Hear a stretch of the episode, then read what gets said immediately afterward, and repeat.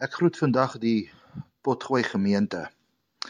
Na so 'n afwesigheid van 'n paar dae, ligweginfeksie, twee woorde gepraat en drie gehoes, kan ek op hierdie pragtige wonderlike hemelvaartdag kan ek weer ons gesprek rondom die wonderlike groot, diep, ryk, transformerende krag en effek van die kruis kan ek weer met u begin. En hemelvaart is ook 'n integrale deel van hierdie wonderlike transformerende effek van die kruis van Jesus Christus. Hoe kan ons ooit die kruis minag? Hemelvaartdag. Twee kragtige tekste rondom hierdie hemelvaart saak vind ons in Efese hoofstuk 1, Efese hoofstuk 2 en ek moet dit vir u lees. Efese hoofstuk 1 vers 19 lui as volg: Die uitnemende grootheid van sy krag vir ons wat glo.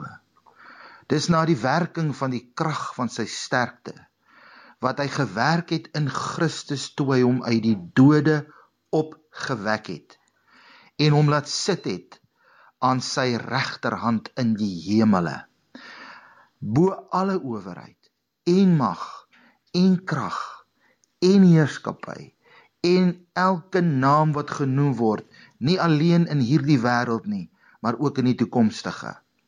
En hy het alle dinge onder sy voete onderwerp en hom as hoof bo alle dinge aan die gemeente gegee, wat sy liggaam is, die volheid van hom wat alles in almal vervul. Is dit nie kragtig nie? Hemelvaart het Christus hierdie goddelike verhewe posisie gegee bo elke naam. Ja, elke probleem het 'n naam. Elke siekte het 'n naam. Jy kan sy naam gee. Jy kan sy naam noem. Maar Christus het hierdie posisie ingeneem bo elke naam wat jou pla. Bo elke probleem en situasie wat jou pad langs kom. Hy het opperste gesag aan die regterhand van die Vader.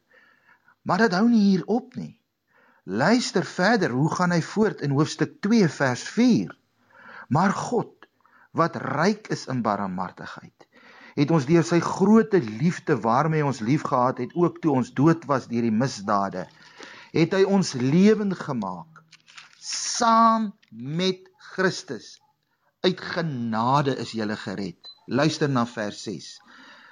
En saam met Christus opgewek en saam laat sit in die hemele in Christus Jesus. Ons is sy maaksel. Die Engelse Bybel sê we are his workmanship. Hy is die mold. Die kruis is die maatstaf.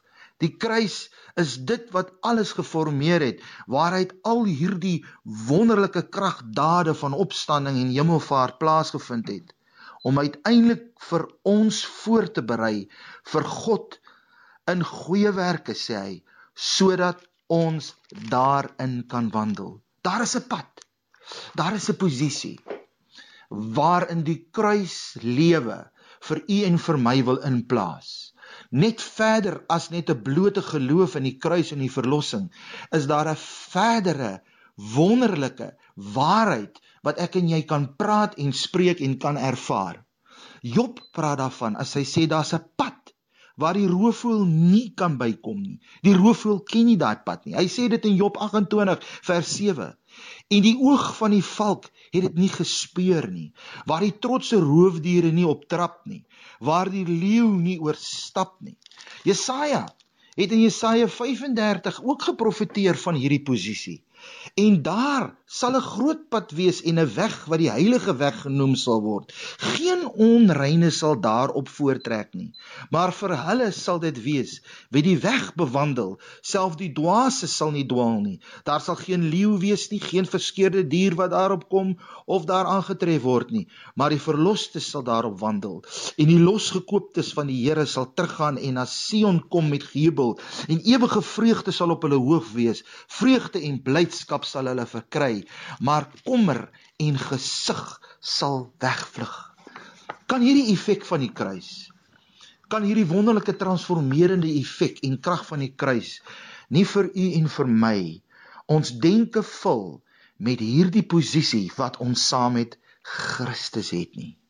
Dit word nie meer onder omstandighede goed dankie nie.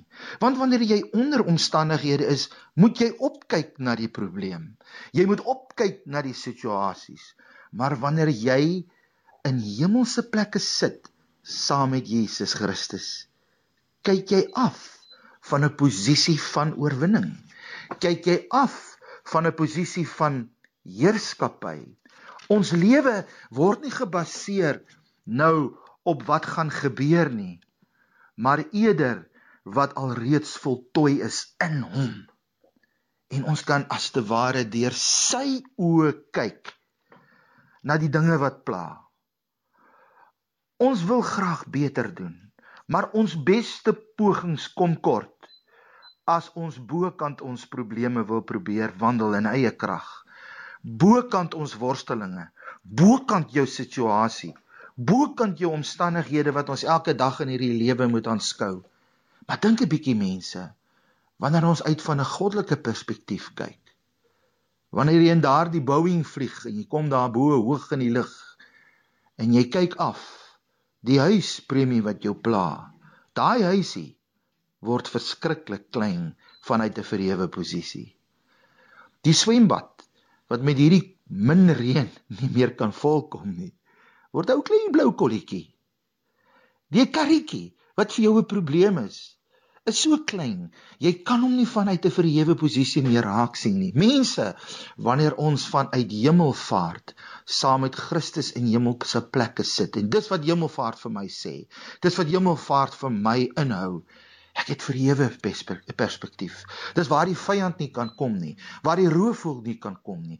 Hierdie plek mense is so hoog in Christus dat die vyand sal as ter ware sy longe sal begin brand want hy kan nie by daai plek uitkom nie. Hy sal begin bloed meeskry want hy kan nie daar uitkom nie. Ja, longe sal bars want dit is so hoog dat daar gaan nie meer vir hom suurstof wees in sy werke nie om verder naby te kom nie. Want as jy hierdie kennis het van jou verhewe posisie in Jesus Christus, kan jy waarlik as 'n oorwinnaar leef.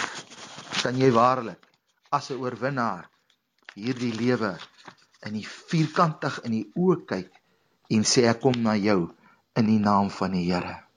So word ons dan toegerus en bekragtig om elke persoon en elke omstandigheid deur die oë van God te besigtig. Mag die Here u ryklik seën wanneer ons voortgaan in hierdie wonderlike transformerende krag van die kruis. Amen.